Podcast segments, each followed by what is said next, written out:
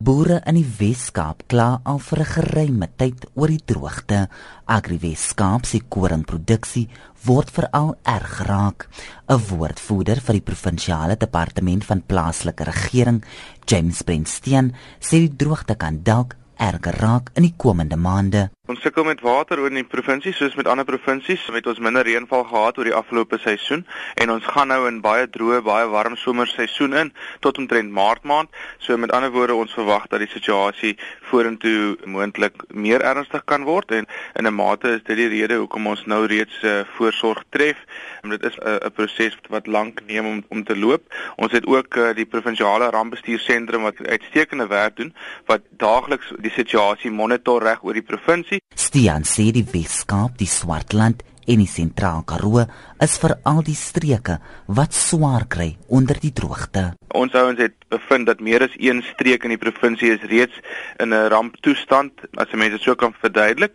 En volgens wetgewing sodra daar meer as een streek in 'n provinsie 'n rampgebied is, dan doen jy aansoek vir 'n provinsiale klassifikasie tot ramp. Stian sê waterbeperkings is reeds in sekere munisipaliteite ingestel en Kaapstad oorweeg dit om dalk volgende maand dieselfde te doen. Dit sluit in byvoorbeeld Tulbag ook in dele soos Matsikama munisipaliteit wat dorpies soos Vredendal insluit en Lutsville is al reeds beperkings in plek. Grootendeels is dit voorsorgmaatreëls om seker te maak dat die situasie nie vererger nie. Die provinsiale wetgewer sal teen die einde van die maand besluit oor die kwessie en 'n aanbeveling aan nasionale rampbestuur maak oor die probleem. Intussen kan inwoners en ondernemings van Johannesburg en Ekurhuleni dalk beboet word as hulle nie gehoor gee aan waterbeperkings nie.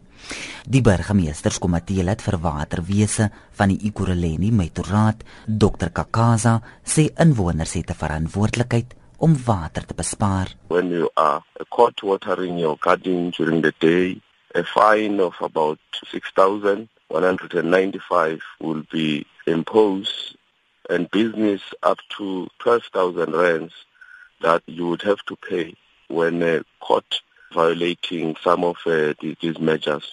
We are appealing to all our communities to work with us during these uh, challenges. Geen boetes is so ver uitgereik nie. Jean Estreisen, SABC nuus.